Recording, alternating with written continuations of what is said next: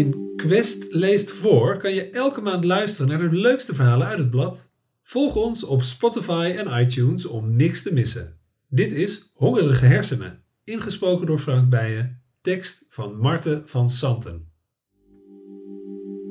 Het heeft niks met zwakte te maken dat mensen met obesitas het vaak niet lukt om op eigen kracht af te vallen. Mireille Serly wil het maar gezegd hebben. Zij is internist-endocrinoloog en hoogleraar inwendige geneeskunde in het Amsterdam UMC. En ze kan zich er oprecht kwaad over maken dat veel slanke mensen een oordeel klaar hebben als het gaat om overgewicht.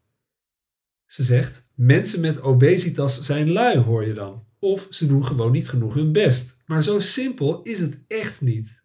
Er komt steeds meer wetenschappelijk bewijs dat ernstig overgewicht weinig van doen heeft met wilskracht en des te meer met veranderingen in de hersenen.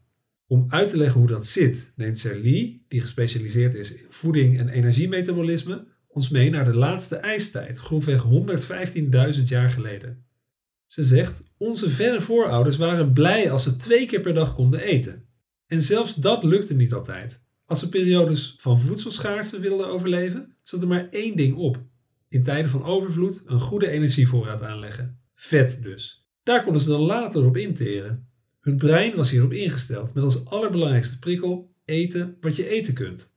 Fast forward naar 2022. Onze hersenen werken eigenlijk nog precies hetzelfde als in de ijstijd. Ze vertellen je wanneer je lichaam nieuwe energie nodig heeft in de vorm van voedsel en stimuleren je om een vetvoorraadje aan te leggen voor barre tijden. Niks mis mee zou je zeggen, behalve dan dat de omstandigheden waarin we leven natuurlijk wel compleet zijn veranderd. Serlie zegt: in de westerse wereld hebben we 24 uur per dag, 7 dagen per week eten tot onze beschikking. Je kan het zelfs thuis laten bezorgen zonder daar één stap voor te hoeven zetten. De kwaliteit van het voedsel is er over het algemeen niet op vooruit gegaan. Zo eten we nu veel meer suiker en ongezonde vetten dan onze voorouders. Daarmee ligt het gevaar van overgewicht op de loer.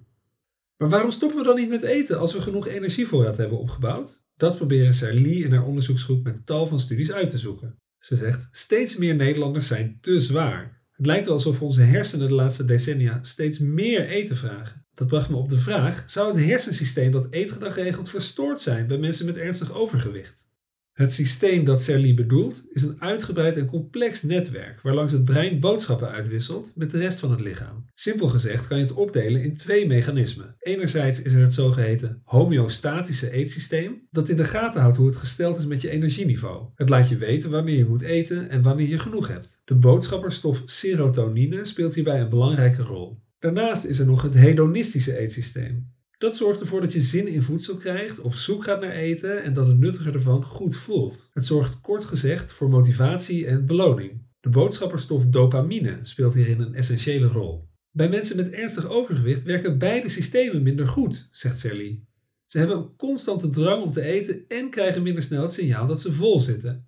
Dat verklaart waarom afvallen voor hen zo ontzettend moeilijk is. Hun hersenen geven steeds signalen af dat ze naar eten moeten zoeken en dat moeten verorberen omdat ze gaan over leven en dood, zijn die prikkels bovendien razendsterk. Het is bijna ondoenlijk om die te negeren. Samen met hoogleraar nucleaire geneeskunde Jan Boy besloot Serlie hersenscans te maken van mensen met ernstig overgewicht. Wat bleek? Het dopaminesysteem in de hersenen van de deelnemers zag er anders uit dan gebruikelijk. Dat betekent waarschijnlijk dat ze meer moeten eten om dezelfde beloning te voelen als personen met een gezond gewicht. Vervolgens wilden ze ook weten of dat verstoorde systeem nog kon herstellen. Dus scanden ze diezelfde mensen opnieuw, nu nadat ze een maagverkleining en een darmbypass hadden ondergaan. Serlie zegt: Zes weken na de ingreep, toen ze gemiddeld 10 kilo waren afgevallen, zagen we nog weinig veranderingen in de hersenen. Maar twee jaar later was er wel verbetering te bespeuren in hun dopaminesysteem. Door gewicht te verliezen kunnen de systemen die het eetgedrag regelen dus deels herstellen. Maar dat kost wel veel tijd. Iemand die eveneens onderzoek doet naar het effect van overgewicht op de hersenen is neurowetenschapper Amanda Kilian. Ze is hoogleraar anatomie aan het Radboud UMC in Nijmegen. Met haar onderzoeken brengt ze onder meer in kaart wat de impact is van voeding op de hersenstructuur. Of specifieker, ze kijkt in hoeverre veranderingen in het brein als gevolg van overgewicht de kans op slechtere hersendoorbloeding en dementie vergroten. Kiliaan legt uit: om je brein goed te laten werken moet het voldoende zuurstofrijk bloed krijgen. Bij mensen met ernstig overgewicht lukt dat vaak minder goed. Hun vetweefsel maakt ontstekingsstofjes aan die de bloedvaten aantasten, ook die van de hersenen. Simpel gezegd worden de vaatwanden minder elastisch en soepel, terwijl dit juist zo belangrijk is om extra bloed te kunnen vervoeren naar actieve hersengebieden, die meer zuurstof en glucose nodig hebben. Het gevolg is een slechtere doorbloeding van het brein en het verlies van hersenverbindingen. En op hun beurt beïnvloeden die weer de uitwisseling van informatie tussen de hersencellen en daarmee bijvoorbeeld ook het geheugen en de concentratie.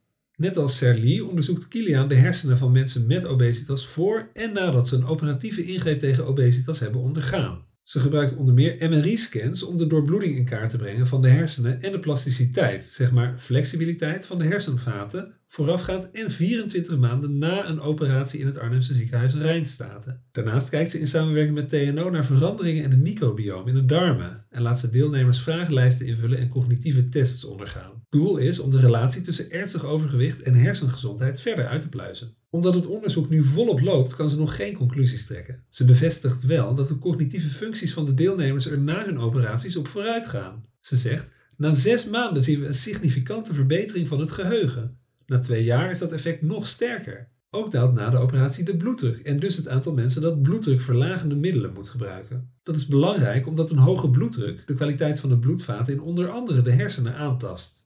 Eerder onderzoek van Kilian liet al zien dat er een duidelijke relatie bestaat tussen zwaarlijvigheid en de kans op dementie.